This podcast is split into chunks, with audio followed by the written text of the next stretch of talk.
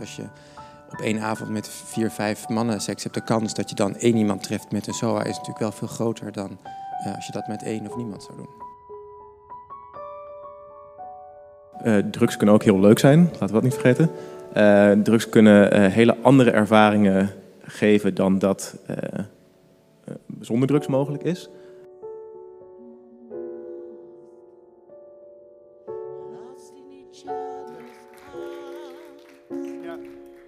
Je luistert naar de podcast-serie Gemsex Dialogen, een ordeloos en taboedebrekend theaterproject.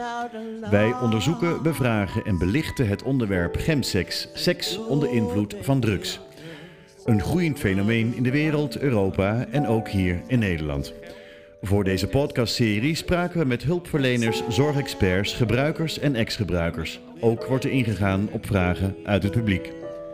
In deze aflevering gaat gespreksleider Gemsex-counselor Kes Blans het gesprek aan met Sebastiaan Verboeket, arts en lid actiegroep PrEP Nu en Willem van Aken, preventiemedewerker voorlichter drugs en seks voor homomannen bij Pink Unity. Niemand minder dan onze eigen partyzangeres Miss Punty, Maria Dijkhuizen en Mark Alberto. Ja, dank jullie wel. Ja, uh, goedenavond. Uh, ik heb twee gasten hier bij me. Uh, Sebastiaan Verboeket en Willem van Aken. Sebastiaan Verboeket is arts van PrEP Nu. En uh, Willem van Aken is ja, drugsinterventiespecialist. Uh, interventie, pre ehm, preventie. sorry. um, is een interessant fenomeen waarbij twee afzonderlijke menselijke gedragingen eigenlijk bij elkaar komen. namelijk seks en drugsgebruik. en die raken met elkaar verbonden. En vanavond praten we met deze twee uh, over de risico's van seks en drugs. Um, Sebastian, op het gebied van seksuele uh, gezondheid, wat zijn eigenlijk de risico's van gemseks? Uh, ja, het meest vooraanstaand is natuurlijk SOA's. Uh, want daar, van seks krijg je SOA's. En we weten dat, we kijken naar PrEP-studies en, en, mensen met HIV, dat HIV daar natuurlijk voor kan komen. en, maar met name tegenwoordig heel veel andere SOA's, nu we PrEP geïntroduceerd hebben. Uh, en in de grote PrEP-studies zien we vooral heel veel uh, ja, de andere SOA's voorkomen in die groepen van mensen die dat gebruiken. En gebeurt dat meer tijdens gemseks, dat, tijdens dan gewone seks? Uh, ja, omdat er natuurlijk meer mensen bij elkaar komen. En dat weten we nu met corona ook hoe infectieziekten werken. Ja, dat is als je groepen bij elkaar komen, dan, dan krijg je verspreiding onderling. Dus we zien altijd dat als factoren, drugsgebruik, uh, groepseks en seks met meerdere partners, dat allemaal onafhankelijk van elkaar sterke factoren zijn. Uh, um, dat je SOA's kan krijgen, vele malen sterker dan wel of geen condooms gebruiken. En eigenlijk is het dus dat mensen vergroten hun risico onder drugs, moet ik dat zo begrijpen? Nou, mensen gaan natuurlijk over hun eigen grenzen heen heel vaak. Uh, of verleggen hun grenzen op een wat meer bewustere manier. Uh, en uh, ja, het gewoon biologische fenomeen. Dat als je op één avond met vier, vijf mannen seks hebt, de kans dat je dan één iemand treft met een SOA is natuurlijk wel veel groter dan als je dat met één of niemand zou doen. En die gaan dan met elkaar rond en dan gaat, ja. het, het, gaat een snel rondje. Ah, ja, ik, dat kan me voorstellen. Willem, op het gebied van drugs, wat zijn de risico's met GMCX? Uh, ja, dat verschilt natuurlijk per middel dat gebruikt wordt. Er zijn hier al een aantal dingen genoemd. Uh, als je kijkt naar de meest gebruikte drugs onder uh, seks, is dat GHB. En bij GHB is het zo dat de dosis heel erg nauw, is. Dus als je de effectieve dosis en een overdosis schelen een paar milliliter van elkaar. dus uitgaan is een risico. met die uppers is nachtenlang doorgaan en dus slaapverlies en de come down daarna een groot risico. Uh, ook zet het natuurlijk, zoals jij al zelf zei, uh, druk op je hart- en bloedvaten.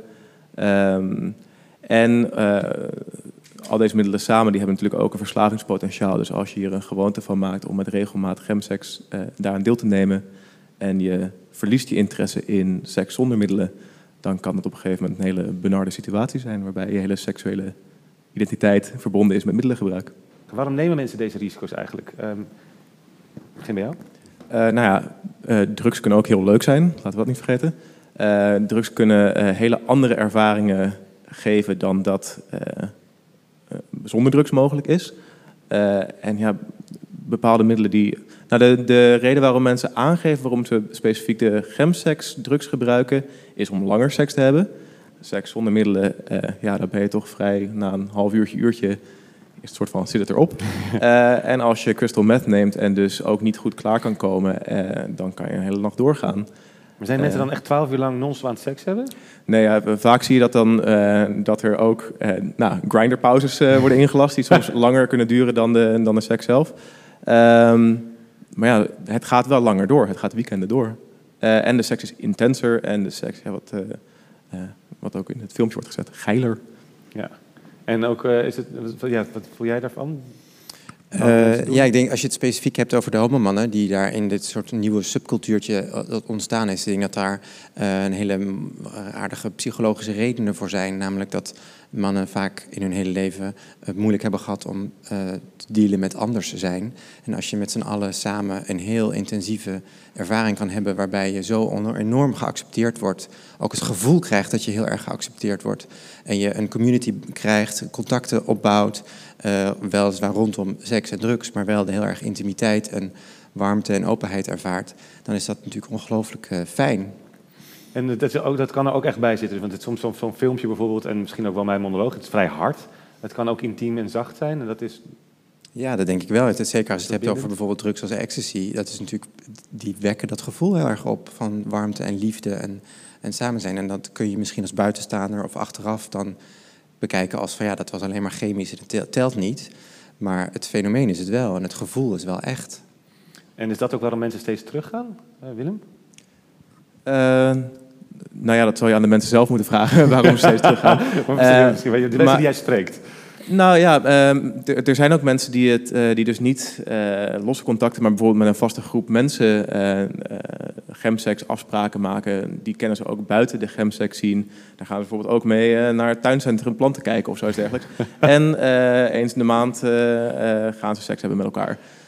En dan, nou ja, het kan best wel zijn dat mensen daardoor terugkomen gewoon omdat ze die eh, hele intense ervaring als heel prettig ervaren. Eh, alleen het wordt dus de vraag of je alleen maar daar naartoe teruggaat of ook nog andere dingen doet.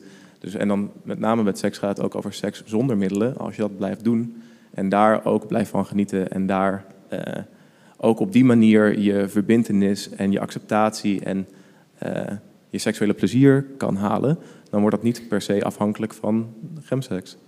En uh, stel je voor, er is een, eh, iemand die het nog nooit gedaan heeft in de zaal. En wat kan je degene meegeven qua tips? Van je denkt, oh, ik wil seks, ik wil het gaan proberen, gemseks.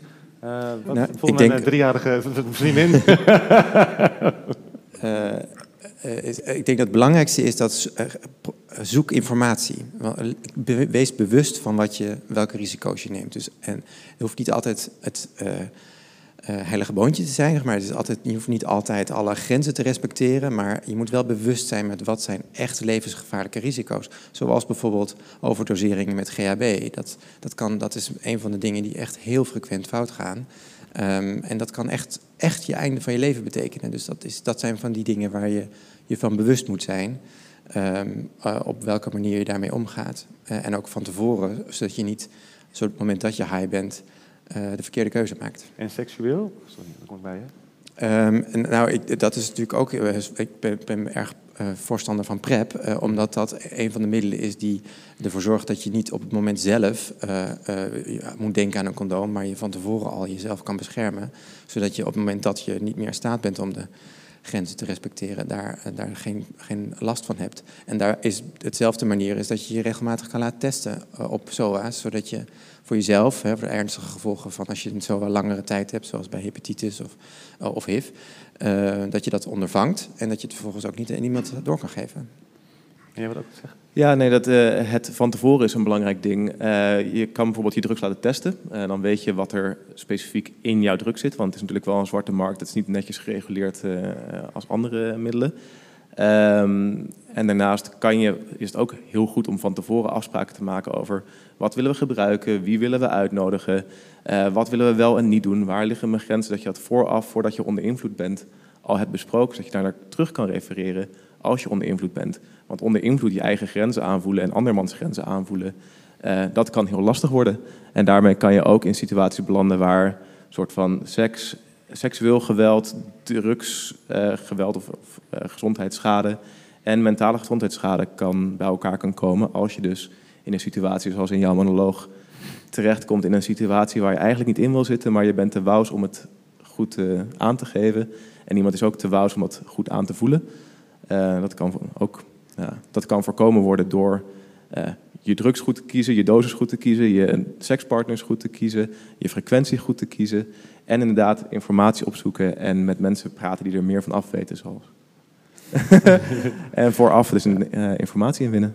En misschien zijn er al wel vragen al in de zaal. Um, zijn er vragen in de zaal voor deze geweldige heren? Ik wil een vraag, over uh, crystal, uh, crystal meth. Hoe gevaarlijk is dat nou? En dan komt de vraag uh, over crystal meth. In hoeverre crystal meth echt gevaarlijker is dan de andere drugs die er worden genoemd? Die erbij komt. Nou, het is sowieso geen nieuwe drugs, want het bestaat al best wel lang. Ehm, maar hoe gevaarlijk, het wordt dan altijd, hoe definieer je gevaarlijk? Want uh, is dat uh, gezond? De werking ervan bedoel ik dan, is de, de, de werking van de stof. In hoeverre is die heftiger dan ja. de andere? Ik? Uh, ik denk dat uh, crystal meth heeft een uh, ongelooflijk sterk effect op de dopamine-receptoren. Vele malen sterker dan cocaïne en het duurt ook veel langer. Dus als je één, één keer crystal meth gebruikt, dan is dat een hele hoge piek en daarna een heel diep dal. als je dan weer opnieuw gaat gebruiken om weer opnieuw in die piek te blijven komen, dan is het een heel erg verslavend middel. Maar er zijn net zo goed mensen die dat hele diepe dal één keer ervaren en dan zeggen, dat doen we nooit weer. Dus daarmee is het weer niet zo heel gevaarlijk. Als het om acute gezondheidsrisico's gaat, is GHB bijvoorbeeld vele malen gevaarlijker dan, dan crystal meth, omdat je er acuut dood van kan gaan. En dat gebeurt maar heel zelden als je echt veel te veel neemt van, van crystal meth. Uh, en als je misschien in een psychose, wat nogal uitzonderlijk is, voor een auto springt of iets dergelijks. Dat is gevaar direct. Uh, en het ja, crystal meth heeft een heel hoog verslavingspotentie. Maar um, om nou te zeggen dat het nog vele malen erger is dan heroïne of cocaïne, dat is, dat is wel erg lastig. Ja, en daarbij wil ik ook aanhaken dat uh, zo'n vraag, dus hoe is uh, crystal meth, hoe gevaarlijk is dat nou, uh, dat je dan ook altijd inderdaad moet gaan nadenken over waar vergelijken we het mee? En op wat voor vlak vergelijken we het? Want het acuut gevaar is GHB dus gevaarlijker, maar voor een verslavingspotentiaal, alcohol is ook niet ongevaarlijk wat dat betreft. Uh, daar raken ook heel veel mensen verslaafd aan en zorgt voor heel veel gezondheidsschade. Uh, dus ja, het is gevaarlijk, maar of het nou een hele nieuwe gevaarlijke druk is, ja, dat is moeilijk om te zeggen. Is er nog een vraag in de zaal? Anders dan sluit ik het gesprek af. En dan wordt gevraagd, Kijk. welke drugs is het minst gevaarlijk? Hangt ook weer van je definitie af, maar de uh, onderzoeken die in Engeland zijn gedaan, daar zetten de psychedelica zoals LSD als minst gevaarlijke druk, maar weet dat elk, risico, uh, elk middel heeft altijd een risico. Een bad trip kan je ook als, uh, als gevaar definiëren. Ik zou zeggen koffie. ja, hoe... ik zou zeggen paracetamol.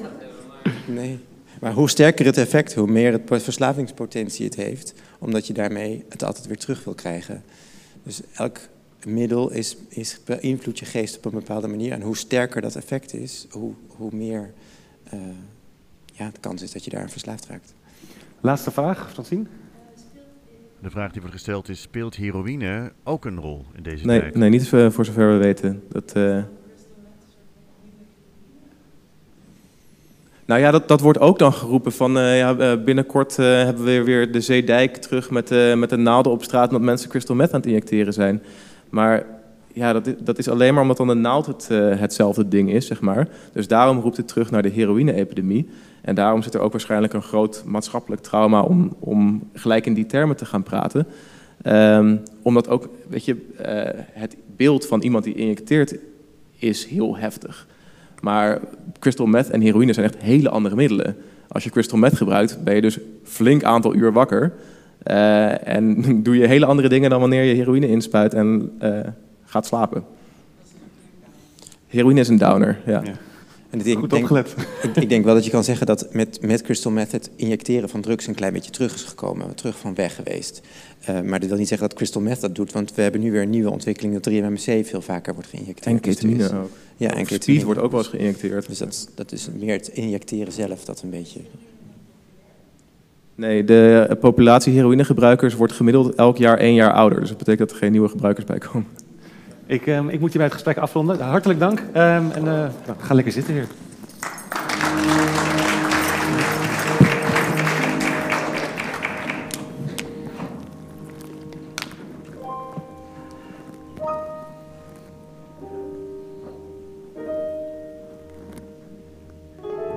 Van de Gemsex Dialogen. Wil je meer weten van het werk van Willem? Kijk dan op pinkunity.nl.